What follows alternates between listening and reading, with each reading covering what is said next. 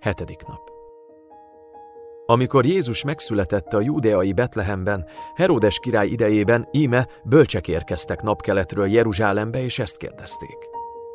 Hol van a zsidók királya, aki most született?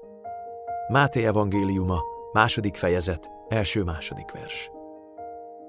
A bölcsek messiása. Máté Lukácstól eltérően nem szól az istálóban fekvő Jézust fölkereső pásztorokról. Azonnal arra összpontosítja a figyelmet, hogy keletről idegenek, pogányok, nem zsidók jönnek Jézust imádni. Máté tehát az evangéliuma elején és végén úgy mutatja be Jézust, mint aki minden nép egyetemes messiása, nem csak a zsidóké. Jézus első imádói itt udvari mágusok, csillagászok vagy bölcsek, akik nem Izraelből valók, hanem keletről, talán Babilonból. Pogányok voltak, vagyis az Ószövetség szertartási törvényei szerint tisztátalanok. Máté evangéliumának végén Jézus utolsó szavai a következőek. Nekem adatott minden hatalom menjen és földön. Menjetek el tehát, tegyetek tanítványá minden népet.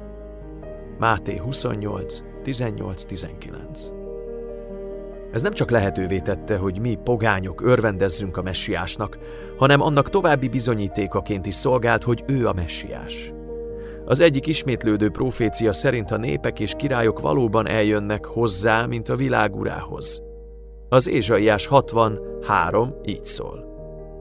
Világosságot hoz népek jönnek, és királyok a rád ragyogó fényhez.